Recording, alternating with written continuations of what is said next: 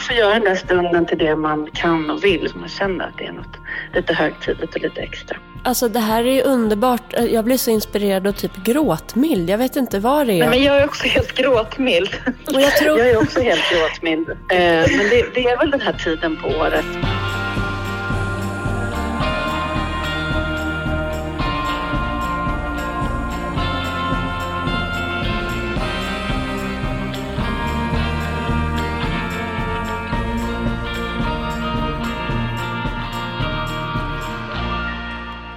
Mysigt. Det, det kommer så otroligt naturligt för mig att vara eh, den här eh, bonde-karaktären eh, på något sätt. Att det är keps och mjukisbrallor och så. Ja, jag har också liksom en um, stor sweatshirt och sen så har jag kommit på att det är väldigt skönt att ha, jag har en stickad kjol som är lite för stor. Mm. Den är egentligen en pennkjol, stickad, brun från Cacharel, typ loppis. Uh. Och jag har kommit på att den är som en sån här uh, täckkjol. Så att när jag går och lämnar på förskolan då drar jag liksom på mig den för att vara så varm och gå om rumpan. Underbart, täckkjol. Det hade jag eh, mycket ett tag under kappor och sånt där tills någon sa det finns en gräns för hur praktisk man får vara i sitt mode. Men, men jag tror Eller så här, jag tycker det finns en gräns för... Uh, det finns ingen gräns för hur praktisk man får vara i sitt mode, men det finns en gräns för vad som är mode och inte. Exakt. Jag har aldrig anspelat på att vara en moderiktig person. Nej, och det där fick vi beviset. Ja, verkligen.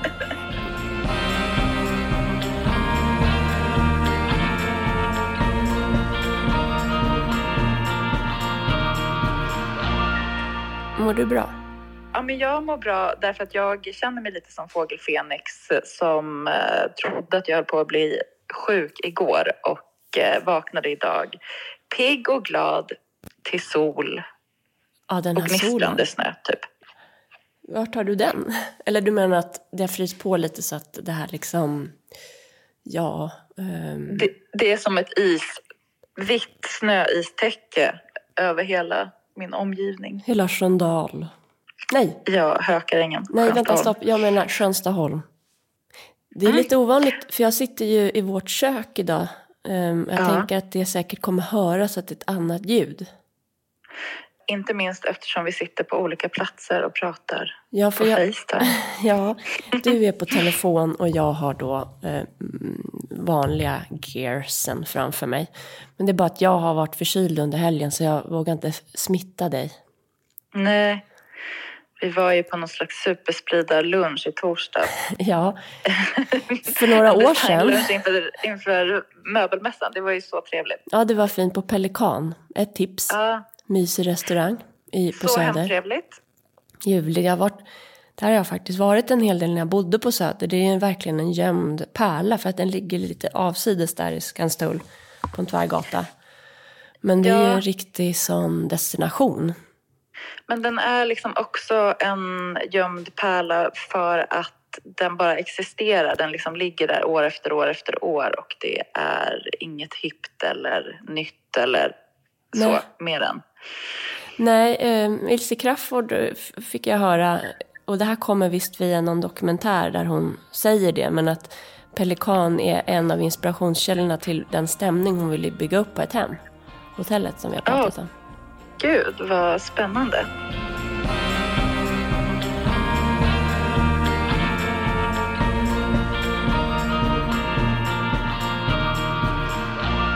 I natt så vaknade Ivar, nej det är fel barn, Olle, uh. tre och, och trodde att det var morgon. Så han skulle ha välling eh, och sen skulle han gå upp. Åh oh, nej. Och, eh, och det var helt, han blev så jäkla förbannad. Han ville bara till mitt vitrinskåp. Det var som att han gick och la sig igår och såg att jag höll på att bygga upp en värld. Uh. Och han var så pirrig. Det här är alltså inte jag som projicerar mina känslor. Men han var så pirrig tror jag att få se hur fint det blev. Så han skulle bara ut dit. Så han stod, eh, ja nu ska jag inte överdriva, men säg tio minuter och skrek. Tre på natten. Nej men gud, fick han komma ut och titta på vitrinskåpet? Glöm. Inte? Nej, det fick han inte. Ge inte lillfingret. Nej. Åh, du skriker, vill du titta på vitrinskåpet klockan tre på natten? Nej. Um, så att jag är lite... Um, det, var, det var en in, intensiv natt. Jag, jag somnade till, själv till olika sagor och hans vrål för det gick liksom inte att trösta. Nu gjorde du något. Jag, jag hör dig inte. Det är så mysigt att ha en kollega men hon är så otroligt oteknisk. Hallå? Mattsson? Mattsson är faktiskt ett jättebra också sånt smeknamn. Jag gillar efternamn. Ska vi se om hon... Nu ringer hon igen. Hallå ja? Mattsson? Nu hör jag dig. Så där. Hallå? Hör inte du mig? Nu. Ja, bra. Ja. Nej, jag tycker inte om Mattsson. För att vi var, jag har alltid lyckats gå i samma klass som en annan Katarina. Och ett tag var vi så här, Sten och Mattsson. Hatar. Jaha. Trauma, mellanstadietrauma. Okej, okay, jag förstår. Det är som Chris Piss Blomqvist som frågade om jag hade... Det finns vissa grejer som lever kvar. Ni från Drottningdals skola, tiden. Ja. Det finns några. Chris Piss Lundqvist. Han kallar mig Elin Felin i huvudet. Nej men. Det var då jag kom på det där andra. Han frågade också om jag hade bomull instoppad i min eh, topp. Eftersom jag precis hade fått en liten, liten liksom begynnande byst. Men gud. Usch, trauma. Okej, okay, då skiter vi Mattsson eh, och Crispis mm. Lundqvist och går vidare till dagens härliga tema, dukning. Ja. Känner du pirret? jag känner pirret och fortfarande den skräckblandade känslan. Kommer vi få plats kring vårt lilla, lilla runda bord? Men jag tror det. Eh, och så ska vi ta upp en serveringsvagn. Det är alltså min mammas första möbel hon köpte när hon flyttade hemifrån som nu står i vår källare. Eh, för att liksom ha som en sideboard till maten. Smart. Är det Jacke som har tagit tag i det här efter to-do-listan som jag gjorde till honom? Jag tycker att det står lite still på to-do-listan, men eh, jag har tagit tag i det. Ja, men vad bra. Ja. Vi bidrar med olika saker, vi ja. människor. Nej, men, Verkligen. Jag tänker på det här med dukning och generellt så vill jag bara säga till dig som lyssnar på den här podden att det kan ju antingen vara så att du är eh, en sån här typ som jag och Kattis att åh det är så roligt och vi gör det. Eller så tycker man mm. det är mm. kul att höra på men det räcker gott att bara lyssna så skiter man i det. Och oavsett så gillar vi dig. Så eh, var välkommen in i den här eh, världen och så tar man till sig det på den nivå som känns rimlig. Jag vill verkligen inte bidra till någon stress. Nej, tack för att du säger det Elin. Eftersom jag ibland känner mig lite stressad. Av mig? Ja, av, all, av din energi liksom. Oh. Som när den kanaliseras bara exploderar ja. åt alla håll. Um, ta, tänk bara att det är som um, en stor varm uh, hög som man kan uh, gnugga sig mot ibland. Och orkar man inte så, så kan man också gå till uh, någon annan hög som är lite svalare. Man kan plocka russinen ur kakan helt enkelt. Exakt. Så nu kör vi igång. Jag är svinpepp. Nu kör vi igång. Ja, berätta. Ja, men... Vi pratar alltså dukning inför jul och eh, nyår och allt däremellan. Ja, precis. Och eh, dukning inför högtid har jag egentligen tänkt eh, ja. i mitt huvud. Men, men de högtider som står på tur är ju eh, kopplade till jul och nyår. Eh, nej men, eh, det första person jag hörde av mig till eh, för att göra lite research till det här avsnittet det är Ulrika Mille som är min ex-svägerska. Eh, därför att hon är en sån här eh, källa för inspiration när det gäller inredning och dukning till mig. Och jag minns i deras sommarhus ute på Skarpö, som hennes släkt liksom hade då också, alltså min dotters mm. pappa Erik var ju såklart där med. Mm. Eh, då hade de från alltså mormors tid så här silkesband som de la upp ovanpå duken. Och det här var vid påsk. Mm. Och det är någonting med påskdukningen som är så himla roligt. Eh, ja, den är verkligen lekfull. Ja, och det skulle jag vilja få in mer i juldukningen. Kan du bara nu förklara de här sidenbanden? Alltså hur Jag kan liksom inte ens riktigt se det framför mig. Tänk dig då, det här, rum, det här är ett nationalromantiskt hus, eh, grosshandlarvilla, byggt, eh, Skarpe ligger liksom utanför Vaxholm. Jag gissar att när det byggdes så eh, var det någon man som jobbade i stan och så hade de det där som sitt sommarhus typ. I don't know. Mm. Glasverandor där nere och där uppe. Där nere tog, tar man alltid drinken i rottingmöbler som mm. håller på att falla samman.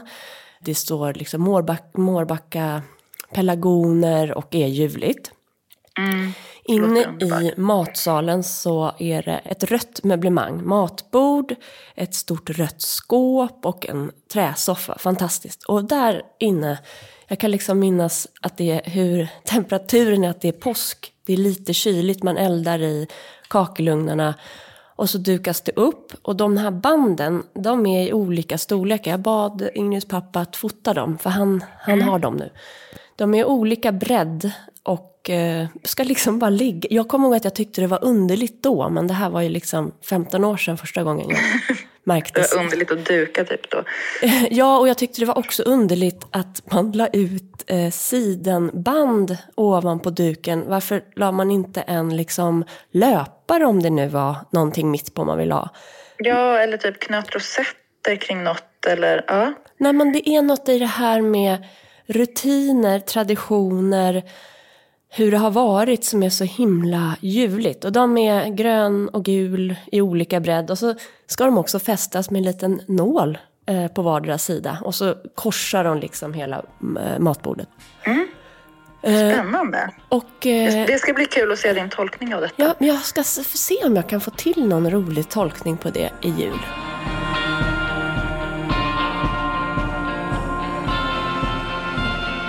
Hur tänker du nu då inför julen?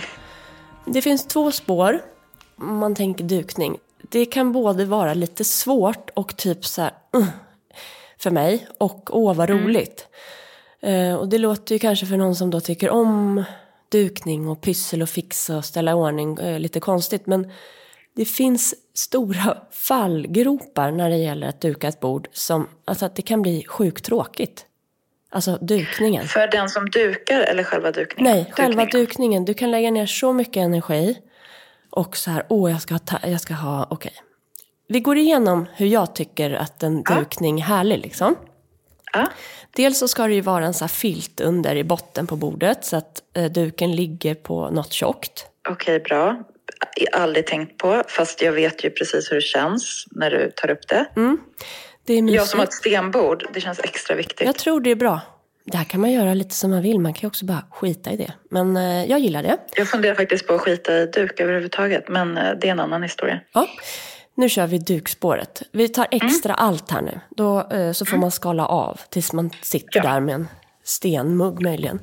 Men eh, då har man den där filten och så har man en duk. Den ska ju såklart vara manglad tycker jag. Men där finns det också flera skolor. Typ hela det här chill, Sofia Wood, Elsa, Dixdotter, härliga linnematerial och lite skrynkligt och allt är bara jättevackert. Mm. Men eh, jag, jag, jag kan inte riktigt eh, ta hem det helt. Så att eh, mangen går hårt här hemma. Ja. Sen kommer vi till fråga ett då som är bökig och det är hur många blir man runt bordet? Mm. Blir man många, då är det jättedumt att ta tabletter och sånt som markerar varje, vad heter det, kuvert? Personsplats, ja kuvert, just det om man vill vara lite Fancy. sådär fin. Eh, därför att då, du kommer nämligen behöva trycka in de där människorna mellan varandras kuvert. Så mm. eh, beroende på hur många man är eh, så kan man ha tablett eller inte. Mm. Um, och sen är de här klassiska som vi pratar om med ljusstakarna. Uh, hur ljuset ska komma och falla ner på en. Och att, uh, liksom... Alltså höga, smala ljusstakar som ger ett vackert ljus över alla gästernas ansikten men som ändå gör, inte stör samtalen. Exakt. Och låga vaser. Ja. Men nu kommer vi till uh, utmaning ett. Vi säger att vi har nu dukat upp hela det här äh, med linnevävet, äh, e, vad heter det, Ekelunds, linneväveriets, jag har en sån 80 blad roseduk som jag älskar. Mm. Um, och så är det tabletter, det här är julaftonsmorgon nu, frukost. Mm. Och så har jag två fina glasvaser där jag har satt, tror jag, hyacinter och, li, eller, ja, och lite kvistar och sånt där. Och så ljusstakar och så är det ju julservisen och så. Mm. Ehm, det kan lätt bli så här, åh, här står två ljusstakar och två vaser. Och sen så ligger det lite tallris ah. mitt på. Och det känns så skitnödigt tråkigt så man bara snark. Ja, jag ser det framför mig. Det är så stelt ja, inte hemtrevligt. Nej, alltså, och det här tror jag, eh, jag kanske gör någon lite deppig nu. Men jag, jag kan inte, det kräver liksom att man har lite tid. Eller gjort lite research innan, eller bara har rätt feeling för att få till den här dukningen. Och ofta gör ju jag den typ så två på natten. Mm, mysigt. Uppesittarkväll.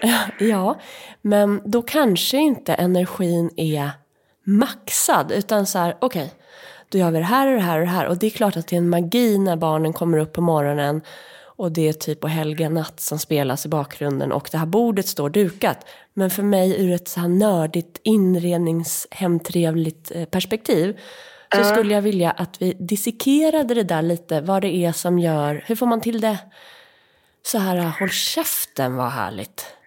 Alltså en sak som kan, tycker jag, göra ett bord mer levande, det är ju att man inte eh, håller sig till eh, de jämna talen. Utan det kanske ska vara tre ljusstakar. Bra. Jag antecknar. ja, men det här är ju vår guide nu och, och som vanligt så eh, uppkommer den i ett samtal. Ja, precis. Men jag är ju också då den skolan som tycker det kan vara lite trevligt att det inte är manglat och som inte äger en mangel för den delen heller. Men det är ju därför så det är så det är bra. ju liksom mer som en men... nödlösning som jag väljer att omfamna. Jo, men det är ju därför den här podden är en jävla genipodd, Kattis, för att vi är så olika. Ja kring det där. om jag får säga det själv. Eh, men precis, men då måste man liksom, ska man gå på det här stökiga hållet, då blir det ju istället viktigt att man har ett ramverk. Mm. Medan om man går på det, på det väldigt liksom välstrukna hållet så är det viktigt att man stökar till det lite. Exakt. Det måste liksom in någonting som bryter av. Till exempel har du inte perfekta servetter, då blir det viktigt att du har en fin servettring kanske som liksom ändå håller det på plats och gör att det känns genomtänkt och omsorgsfullt på något sätt. Ja, underbart. Eh, kontraster. Vi skriver mm. udda antal kontraster. Och så kan vi göra lite exempel så att ni kan kolla på Insta om det är så här, ja men vad menar de? Eller så bara skiter ni det och eh, gör någonting helt annat sen när ni har stängt av det här avsnittet. Precis, ja ja, men, verkligen. Eh, det är samma sak kan jag tänka om man, om man ska blanda porslin just det. till exempel. Säg, alltså, säg att man är väldigt många, många fler än vad man brukar vara och eh, man har inte en servis som räcker till alla. Nej. Då kan jag nästan tycka att det kan vara bättre att blanda in tre, tre inte, olika ja, serviser istället för att bara köra på två. Bra Kattis! Tre serviser. Tre är en trend, två är en nödlösning. Okej, okay. eh, vad skönt. Inte. Då kollar vi våra vill, olika men, men eh, porslins, eh, alltså, porslinsskåp. Vad heter det där? Man har, vad har du för olika porslin? Köksskåpet, jag vet inte. Du kollar i ditt köksskåp och så kollar du vilka olika porslinsserier du har som du kan välja till jul. Ja. Nej men det är också en grym grej på loppis. Och, och du menar egentligen minst tre? Ja, minst tre. Precis. Så man kan blanda hur, hur som helst. Och så kanske man. Men om man nu skulle blanda olika assietter till exempel. För första, för, för fisken om man nu kör, kör det spåret. Då mm. kanske det är snyggt att ha eh, varmrättstallriken i samma. Ja, verkligen. Gud mm. vad fint. Mm. En stor typ Arabia brunt 70-tal som varmrättstallrik. Mm. Tyvärr så gnisslar ju den lite grann när man skär det är ingenting som jag stör mig på, men jag har kompisar som är så här, köp inte den för den gnisslar. Alltså ursäkta, eh. vem har så tyst hemma som man ens hör det? Exakt. Jag förstår ingenting. Det måste vara någonting med saltglaseringen. Eh, men eh, sen ha eh, lite äldre porslinstallrikar med mönster ovanpå det. Alltså det hade ju varit så fint. Ja, gemensamma intressen är väldigt bra för relationen. Det kan vara små eller stora gemensamma intressen. Men eh, vi, vi hade ett litet sånt som är julservisen. Är det sant? Eh, det här låter jätteosexigt nu, men det var så roligt för Alex liksom möttes i min julgalenhet. Och eh, det kommer sig av att vi förde liksom samman två familjer när vi träffades eh, för snart 12 år sedan. Och så mm.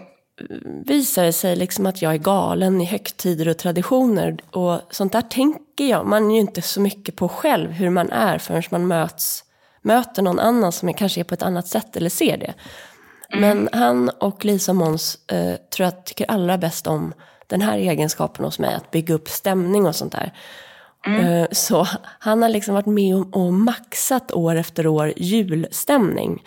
Och då hamnade vi i den här servisen som det är ett tips om man tycker det är mysigt att titta på eh, andrahandsmarknaden eller för den delen om man vill göra en investering och köpa en ny servis. Men att det finns en servis som kommer fram vid jul. Och det här låter ju inte hållbart.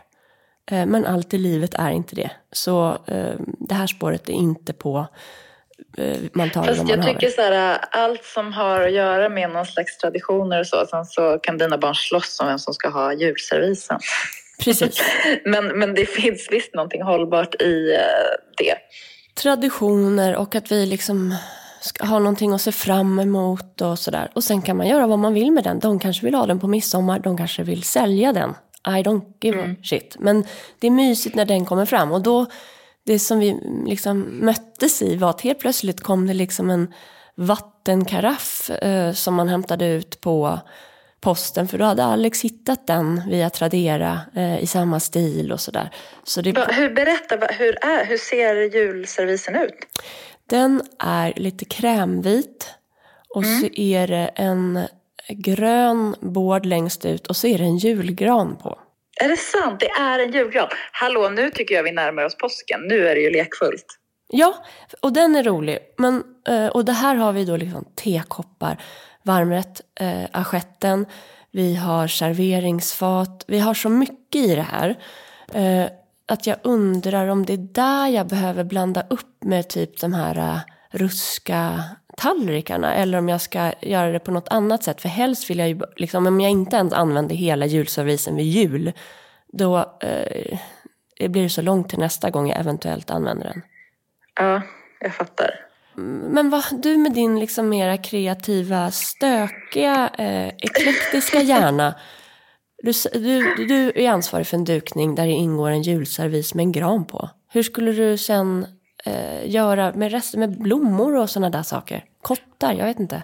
Nej, men jag skulle nog eh, faktiskt eh, jobba på någonting, alltså en lite stökig grund. Ja. Typ en linneduk som inte behöver vara perfekt manglad. Eller så här, den kan faktiskt vara det, för den kommer ändå stöka till sig lite sen. Okej. Okay. Men den ligger där, tänker jag. Det gör den väl inte? Nej, den gör inte det. Alltså, det blir bara typ julmust, brun fläck och senap. Alltså, det blir inte så där charmigt. det här är liksom, nu, nu är det en människa som inte brukar använda duk som pratar som ni alla hör. Men eh, en eh, lite Ruff. äldre linneduk helt enkelt. Yeah. Typ farmors gamla. Mm, den har jag i sen skulle jag, sen skulle jag nog köra dem och både blanda in någonting lite träigt, alltså typ om man har underlägg i bast. Jag har det. Heter det ens det? Och då har jag ett tips. Ja. Granit. Granit? Mm. De har, har de även, de har även servettringar i så här, det är inte bast, det ser ut som säckväv typ som har, eller hampa. Jaha. Och det vet jag därför ja. att Lisa jobbar ju på Granit, så jag var där. Ja, men jag träffade ju Lisa, alltså Alex dotter, på Granit eh, när jag skulle köpa den där julgransfoten. Ja. Den svarta lilla äggkoppen. Mm. Och eh, det var så härligt och eh, jag hade glömt mitt kort och hon räddade mig i den situationen kan jag säga. Hon är ganska uppstyrd. Men hon, vilken äh, underbart mötande. Mm. Det mötande. Men sen så tror jag också att jag skulle vilja slänga in kanske till och med lite silver i det där. Jag har ju spanat på mässing, mm. men liksom kontrasten hampa då, mm. linne och lite högblanka höga ljusstakar som glittrar. Och något mer lite glittrigt tror jag. Glitter. Ja, vad säger gnistrande. vi om gnistrande? Vad säger vi om såna här... Uh, det finns ju som en lista på allt som ska göras inför jul. Ska och ska. Mm. Alltså det här är ju en del av, av det mysiga. Man måste ju ingenting mm. av det här. Det är att putsa silvret. Va? Matsilvret. Så, uh, men då undrar jag bara om ja. det blir lite för... Nej, det ska vi ha. Det tycker jag, det blir fint. Mm. Det är för, för övrigt en, ett tips att köpa så här silverbestick. Ja, gamla silverbestick som man då inte låter få patina, som man kan välja att kalla det för. Man kan, eh, man kan göra både och. Faktiskt. Ja, var så roligt. Jag, prat, eh, jag var på, på en presslunch med Ingegerd Råman Mysigt. Eh, ja, men hon är ju en av våra liksom, främsta formgivare. Genom tiderna, som, en ikon. Ja, men genom tiderna, verkligen. Och en sån otroligt inspirerande kvinna som man vill bli som hon när man blir stor. Hon har gjort en ljusstake för Västberg mm. som är liksom en ny variant av en ljusstake som hon tidigare har gjort och nu kommer den i rostfritt stål och mm. glas. Mm. Um, och så kan man använda den som en vas och uh, så är det som ett litet lock som man också kan ta av och ha som ljusstake för sig. Liksom. Väldigt smart liksom, med en produkt som man kan använda på väldigt många olika sätt. Men hon berättade att hon tidigare hade gjort den då i silver. Ja. Istället för rostfritt stål. Men att det var så hopplöst för det är ju ingen som putsar silvret längre. Förutom Elin Lervik har ADHD. och älskar det där pysslet, ja, tänker jag. Det är, så, det är så mysigt. Jag bara omfamnar det. Det är typ som terapi för dig. Ja, bara roligt. Mm. Eh, men eh, okej, okay. då ser jag hur bordet börjar ta form här nu. Ja, och sen så också någon grön, alltså klarglas och något grönt i dessa klarglas. Nu pratar jag blommor alltså. Klarglas och grönt. Inte så mycket, inte så mycket färg här nu då. Eller mm. så maxa med jättemycket rosa, lila färg på blommor. Alltså hyacinter i Exakt. alla de gladaste färgerna. Det är det jag har lite kört några år nu för att det blir, eh, jag tycker det blir lite det här påskdukningsbordsstämning. Ja. Och så brukar jag och lägga så ut... de där banden. Banden, ja. Och så brukar jag lägga ut eh, marsipanfigurer också lite här och där. Ja, gulligt. ja. Men ni brukar ju vara väldigt många på julen om jag har förstått det rätt. Brukar ja. ni köra bordsplacering? Ja, och det är en annan eh, grej på det här spåret, tråkigt eller roligt. Vi har ju nämligen också placeringskort i samma serie som tallrikarna, porslinet. Med de här gröna granarna? Ja, precis. Och då, och då så sparar jag dem. Så då ser jag ju, jag har ju typ alla jag känner, familj, alltså släkt, finns med på de här placeringskorten. Så att jag åter eh, brukar dem. Liksom. Alexander mm. eller Ivar eller ja, Olle har nog kanske inget. Han ska få ett. I år får han ett. Det är mysigt. Men om man med placeringskort, eh, om vi struntar i julen just nu utan bara alltså, man har en middag och vill eh, styra upp lite hur folk sitter för att det ska bli spännande samtal kanske eller att barnen ska mm. vara på ena sidan och så. Jo, men mitt tips är då att låta barn skriva eh, namnen det är mm. lite mindre uh, stift liksom. Att, åh, här, plus att jag har jätteful handstil. Och då, det har ju barn också, men, men de kommer undan med det. Då kan du dölja dig bakom barnen. Bara, men eh, det, alltså när jag var liten, man har ju så olika uppgifter i en familj. Då var jag så den kreativa, så jag fick alltid hjälpa till att duka. Det var ju faktiskt väldigt mysigt att få vara med. Ja, det är härligt. Jo, här tycker jag det blir jobbigt direkt alltså för att om de inte är bra på det så måste eh, man ju verkligen bita sig i tungan för ja. att inte göra om dukningen. Mm.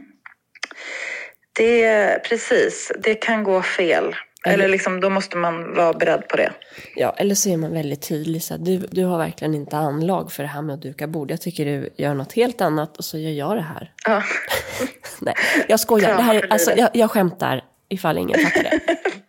Men vi har ju en person som inte finns med oss längre, men som verkligen kunde dukning. Ja. Det är alltså Freddy Palmstiernas eh, mormor Ja, som Freddy brukar dela inspiration från på sin Instagram. och hon har ju ett namn den här mormon. Jag kommer inte ihåg det så jag tycker vi ringer upp Freddy och frågar om det. Ja.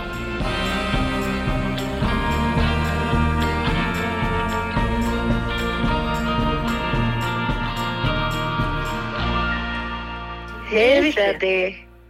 Hej! Har Nu ni, är vi tre. har ni pratat med varandra någon gång? Alldeles, Alldeles nyss. Ja, men innan det. Nej, Nej. inte med rösterna. Visste du att hon hade så här härlig röst? Nej, Jag sa samma men... men... er ju.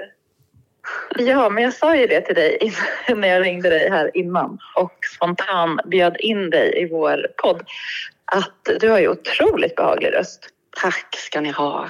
Vad gulliga ni är. Du kan få vara med i podden eh, igen om du uppför dig nu bara på grund av rösten. Då ska jag skärpa mig. Hålla tungan rätt i mun.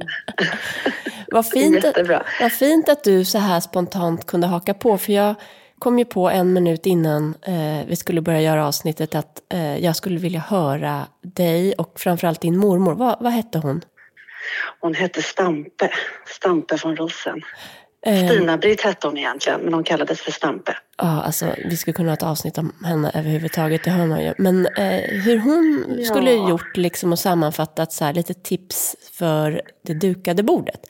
Och så hux flux hade Kattis ringt upp dig och nu är det här. Välkommen till Hemtrevligt-podden. Tack så jättemycket. Ehm, Det är fint att få vara mormors språkrör eftersom hon inte kan prata själv. För hon finns ju inte mer. Men det är så fint att hennes dukningar får ta så mycket plats. Det är, det att det är många som uppskattar dem. Det hade hon älskat. Hon hade liksom varit en influencer. Det var hon ju.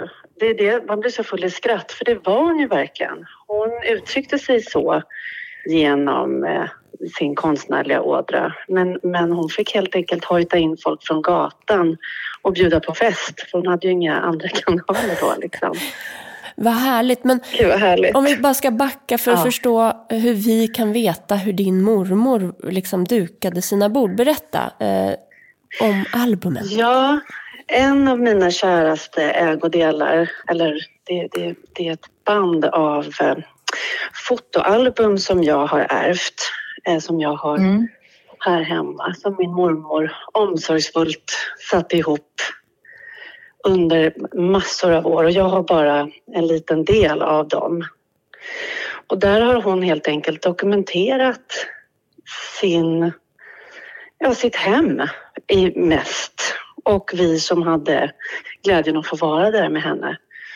Och då, då Mm. var det mycket fokus kring det dukade bordet som ju var ett av hennes största intressen. Kan vi få lite bakgrund till den här otroliga kvinnan? Vem var hon, Stampe? Eh, Stampe var utöver min mormor en eh, kvinna som bodde eh, med sin man Egil i Bromma i ett, eh, i ett hus. Hon, hon arbetade mot slutet av sitt liv, alltså när hon egentligen skulle gå i pension, eh, som eh, receptionist på läkarmottagningen och fick väl en liten, liten, liten lön. Och för den lönen så, mm, det hon, hennes största intresse det var loppis, second hand och dukningar. Det brann hon för. Så att i Vilken, det här, vilket år är vi ungefär nu? Ja, när, det är ju hela min barndom. Eh, och eh, jag är född 78. Eh, så att ah, det var ju hel, hela hennes vuxna liv. Men det blev mer eh, alltså mot 90-talet, 80-90-talet när hon var lite äldre och kunde eh, ägna sig åt det. Men så när man kom hem till henne och morfar, då var det alltid dukat till fest. Det var alltid dukat i olika teman och flera olika bord i det som var eh, matsal och det som väl en annan familj skulle ha haft som ett vardagsrum. Där var det dukade bord oavsett om det stundade fest eller inte, för det var det hon ägnade sig åt. Alltså vänta, stopp. Stod otroligt. de, stod de redo som De stod installationer? alltid redo. Ja, som installationer.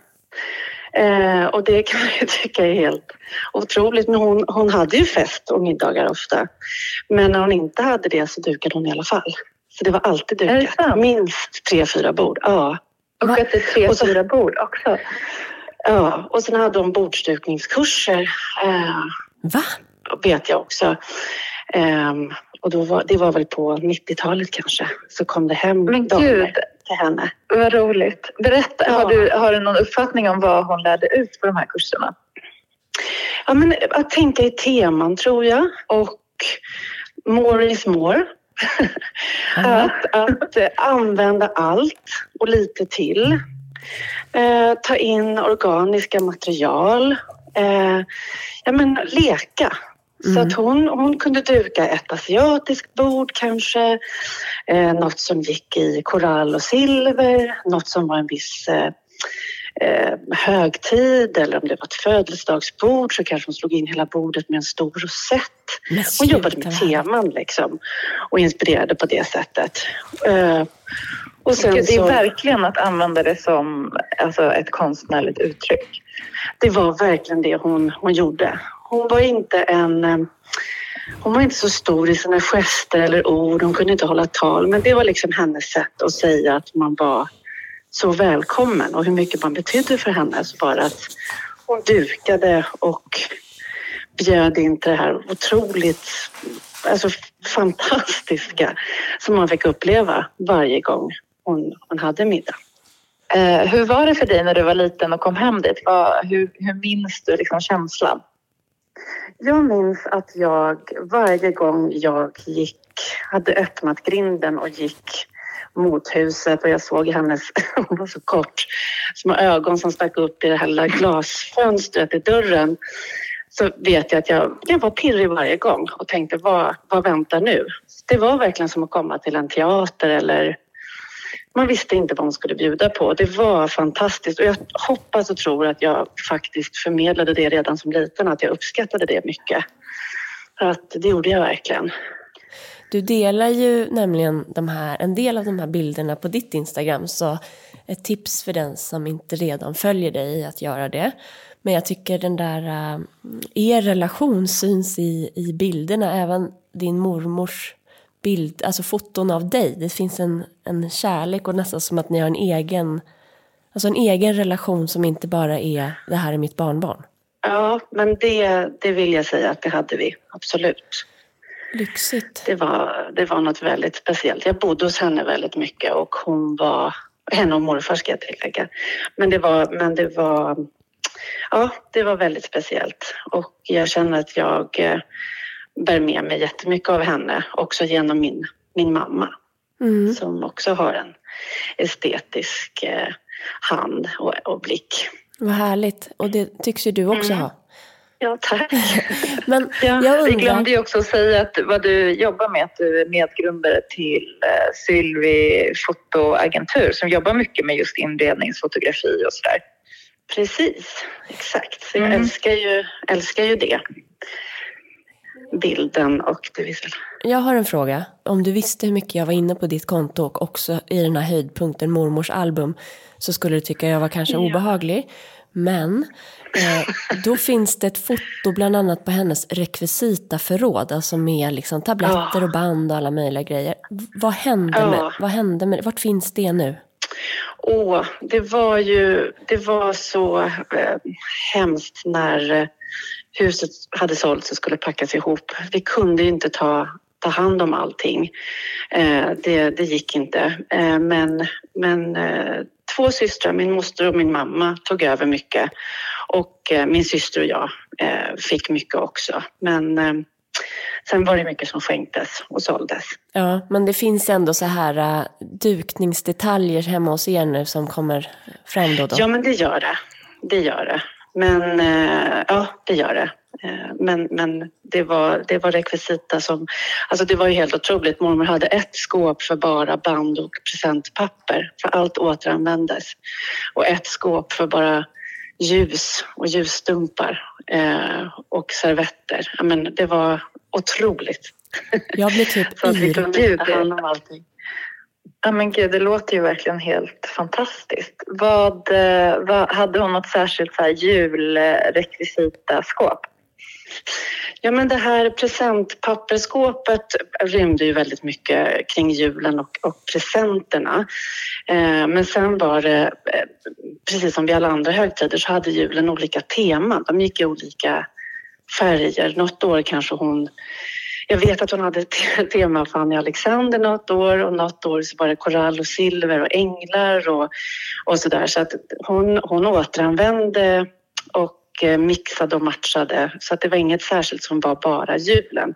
Det som jag vet att hon alltid hade på julen så var det och det har jag också tagit över. Istället för en stor gran så hade hon en bordsgran som man hade förr i tiden mer. Och den stod i matsalen så att man hela tiden tittade ut över den. Den återkom, den och julkrubban. Men sen borden, de, de, eh, de förändrades år efter år. Det var aldrig samma. Är det något särskilt som du så kommer ihåg och som du tar med dig i, liksom, när du eh, dukar till jul? Det jag tar med mig är att det är barnens högtid, men att inte, jag dukar inte med några praktiska barn plastglas eller någonting sånt utan jag dukar så vackert jag kan till alla, stora och små. Halleluja! Att det ska kännas särskilt. Ja, halleluja, det känner jag också. ja, så att det, är, det är godare att dricka sin must ur ett kristallglas eh, och det ska barnen göra och att man äter sin gröt i en vacker skål. Eh, så det tar jag med mig och sen ja, men höjd, alltså höjd, nivåer, att man, att man smyckar hemmet för både de som är korta och de som är långa. Vi små kanske inte såg girlangerna i, i taket men, men vi kunde stå och titta på julkrubban eller, eller eh, rosetterna i dukarna eller Gud, jag blir liksom helt rörd. Det är så mycket omsorg och så kärlek som ligger i det där ju. Det är verkligen det otroligt fint.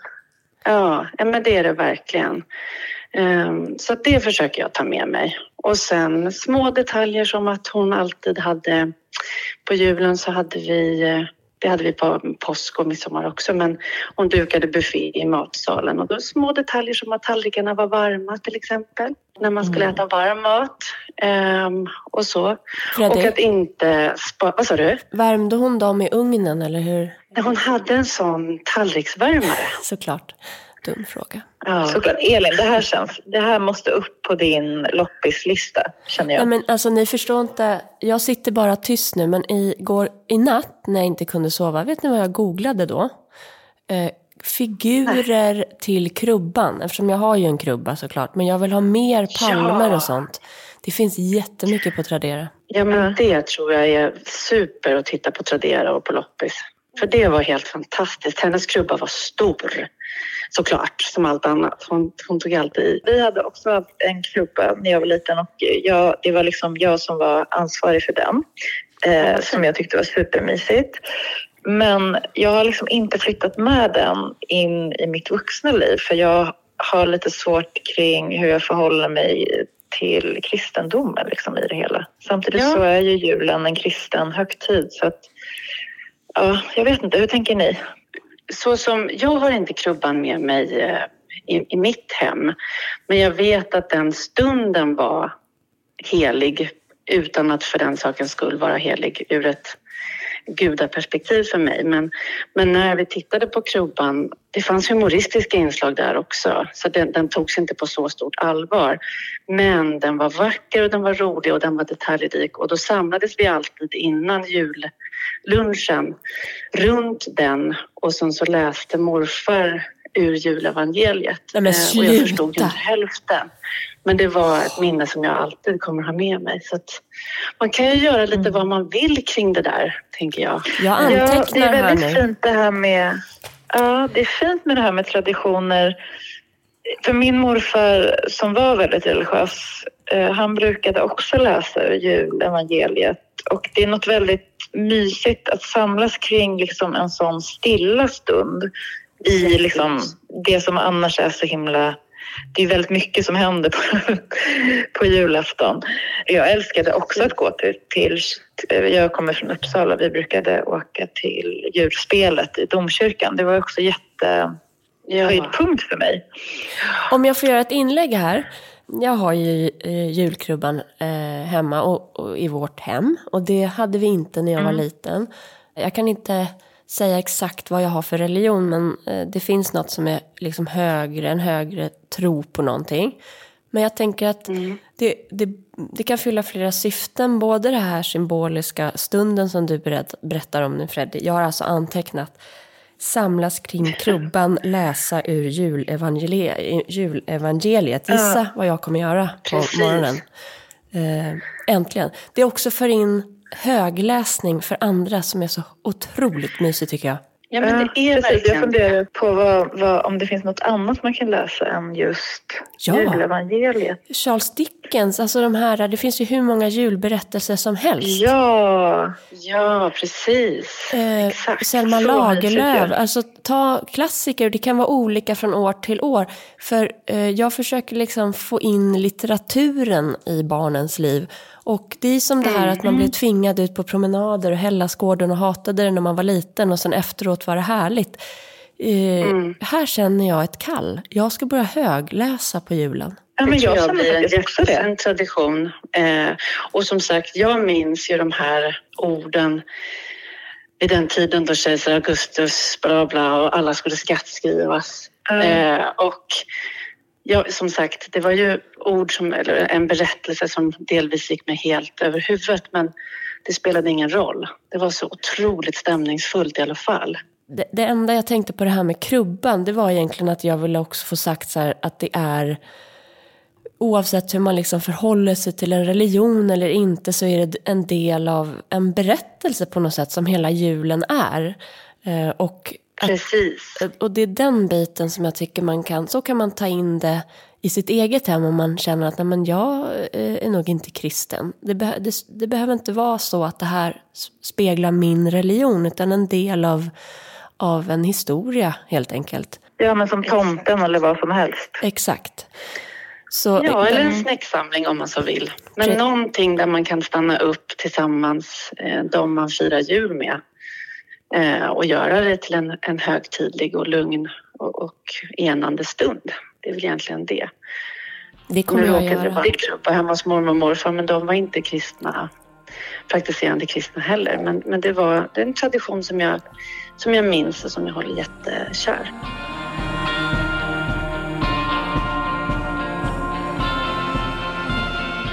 jag sitter och tittar på vårt piano så blir jag så sugen på att man ska samlas kring pianot och sjunga. Och, och det kan nog ske. Min morbror liksom sjunger i så här Kjell Lönnås kör. Nu har ju Kjell Lönnå gått bort, men han älskar det där. Så det känner jag är något som vi måste göra också nu när vi har flyttat ut pianot i vardagsrummet. Det är ju underbart. Ja, kan man spela det så är det fantastiskt. Det kan väl Jacke? Ja, man, får, man får göra den där stunden till det man kan och vill, men, men att våga tro på att den att den också kan bli betydelsefull för barnen. Att, att, eh, att stanna upp en stund. Det, det tror jag faktiskt att de allra flesta uppskattar. Så man känner att det är något lite högtidligt och lite extra. Alltså det här är ju underbart. Jag blir så inspirerad och typ gråtmild. Jag vet inte vad det är. Nej, men jag är också helt gråtmild. Och jag, tror... jag är också helt gråtmild. Eh, men det, det, är väl den här tiden på året. Och, ja, det är omsorgen och att så här, få känna sig som ett led i generationer på något sätt. Ja. Eh, hur liksom livet Eh, lever kvar och din mormor lever kvar nu i det här samtalet och i, liksom, i era liv. Och ja. Det blir så starkt på något sätt. Jag vet inte, jag blir verkligen så här. Och hennes omsorg om barnen. Jag bara, gud, jag vill sätta jag har tänkt att jag ska sätta så talgirlanger i taket men nu ser jag ju att jag måste sätta talgirlanger på, på lägre nivåer också. Ja, men precis. Det är det som är så fint. Eh, och jag såg ju ditt fina vitrinskåp som du har gjort, Elin. Det är just sådana där saker. Sånt gjorde mormor också. Små tittskåp och ja, men man kunde förlora sig i timmar och bara gå och titta på, på saker och ting. Och jag har inget minne av att hon någon gång sa att rör inte den eller utan det var, det var verkligen en, en värld som var inbjudande för alla, mm. inklusive främlingar på gatan om det var kallt. Så att det ja, vad härligt. Var... Åh, berätta mer om ja. det. Nej, men det var inte ovanligt att jag kom hem. Jag bodde hos henne i perioder eh, av olika anledningar. Men det var inte ovanligt att jag kom hem och så satt... Jag minns till exempel eh, Mick, punkrockaren som hon hade mött vid eh, spårvagnen. Han var, var klädd i, i håliga jeans mitt i mm. smällkalla vintern och det tyckte hon så kallt ut. Så hon bjöd hem honom på smörgås och kaffe och sen blev de jättegoda vänner. Så så var det ofta. Hennes hem var öppet liksom för alla. Vilken underbar person. Ja, det var hon verkligen. På stampespåret där har jag några tips som man kan applicera i sitt eget hem. Och dels i julgranen så hade ja. Ulla-Britta Milles då, som är min ex-svärmor som också har gått bort, men hon hade små, små korgar som hängde i granen med små godisar i. Så barnen ja, under liksom dagen där när man går och väntar på att få öppna paketen så hade hon gömt dem så man kunde leta i granen och då var det ju också inne i den där världen um, och såg, där hänger den kulan och här är eh, halmängen och du fick vara nära granen ja. av en anledning liksom. Det var mysigt. Ja, det är ju jätte, jättemysigt. Det var och sen, sen också att man inte det har ni varit inne på förut med praktiskt versus vackert och härligt och så, mm. har jag för mig. Och det var ju det att man, man alltså sillen åts på en tallrik och sen att man hade nya tallrikar genomgående. Och mormor hade ingen diskmaskin så att det diskades i balja eh, och handtorkades med linnhandduk. Så det var jättejobbigt såklart, men det, hon skulle aldrig kompromissat med det. Får jag fråga där då? Vi, nu har det varit mm. eh, första sittning och så försvinner tallrikarna in i köket och silltallrikarna och så är det nya. Hur såg liksom rutinen ut? Fixade hon, fixades det i ordning i köket innan nästa liksom del av kvällen tog vid? Nej, nej, utan köket det var också en egen värld, en egen historia. Men där var ju morfar en nyckelspelare för att han fick nog diska väldigt flitigt. Men mm. nej, disken radades och sköljdes. Det var viktigt att det inte fick torka in så att man sköljde av snabbt i ett sköljkar. Mm. Och sen så stod disken och sen slutade alla alla middagar och fester och kvällar och jular med att det diskades. Det stod aldrig kvar till dagen efter. Det var ju alltid fint när man kom upp För den morgonen. där stunden är ju också så mysig. Um när en, en fest eh, har tagit slut och man, och man inte har bråttom. Att kunna stå där och diska och eftersnacka. Eh, det ja. finns någonting fint i de här långsamma eh, processerna, eh, görandet. Jag tror faktiskt att det var en fin stund för, för alla. Och där var morfar eh, viktig också.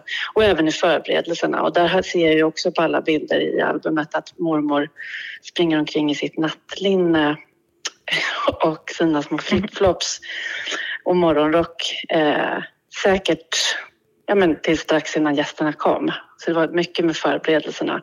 Och eh, där var ju morfar också viktig och min moster som också bodde där i perioder. Vad hette hon? Som, som, assistent. Min moster, ja. hon kallades för krysset, eller kallas för krysset. Krysset och Stampe. När gick Stampe bort? Ja. Åh, jag kan inte år. Men, men typ? Typ tio år sedan kanske. Mm. Tänk, mm. hoppas hon på något sätt hör eh, hur eh, hon influerar vidare. Och att det, det hoppas blir... jag också. Jag ser framför mig hur hon snittrar för läget och tycker det är jätteljuvligt. Mm. Vad härligt. Ja, hon hade älskat det.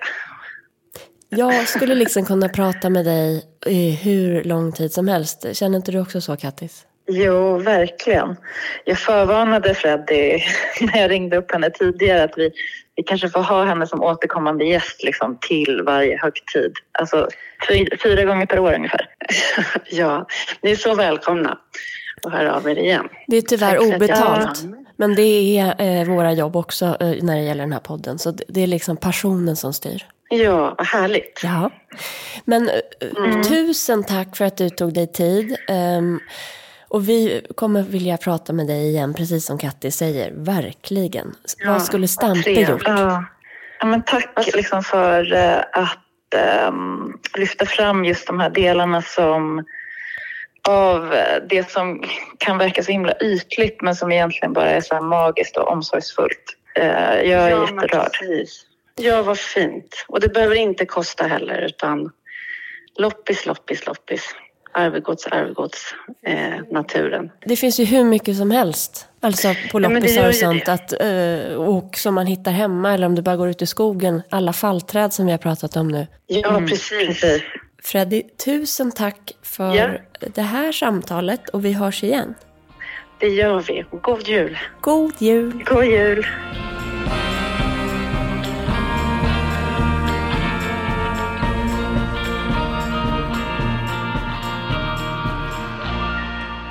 När det här avsnittet sänds så är det ju fredag. Och då är det lördag dagen efter. Och vad händer då? Men då ska ju du och jag vara med i Nyhetsmorgon. Det ska bli så otroligt roligt. Vi ska ju prata om eh, tips på begagnade julklappar. Vår Exakt, så om du behöver några sista minuten tips så ska du kolla på det. Verkligen. Och vet du vad jag tänkte på med det? Eh, för vi har ju pratat om så här hur man känner inför olika grejer. Att jag kan vara pirrig inför att vara moderator eller stå och prata inför någon. Men den, sådana här uh. grejer, noll nervös. Är du? Nej, jag vet inte. Jag har inte hunnit det i så fall. Men jag är nog mest peppad. Plus att det är mysigt att vi kommer sitta där bredvid varandra. Typ. Jätte, jätte, jättemysigt. Mm, nu ska jag fortsätta hålla på med mitt snäckvitrin lite grann. Ja, det får vi prata mer om i nästa vecka känner jag. Absolut. Tittskåp.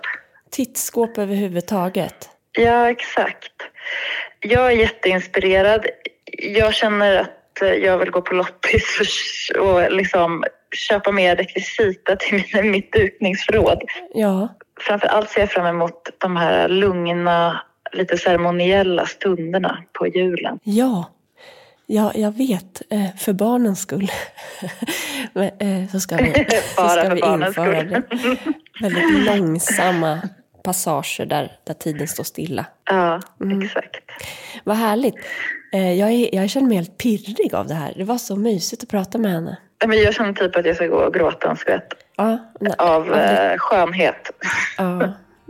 Skönhet. Gör det och så um, tittar ni på oss imorgon uh, och uh, skickar positiva tankar. Så får ni ha en fin helg. Mm, jättefin helg. Vi hörs. Det gör vi. Hej då. Hej då.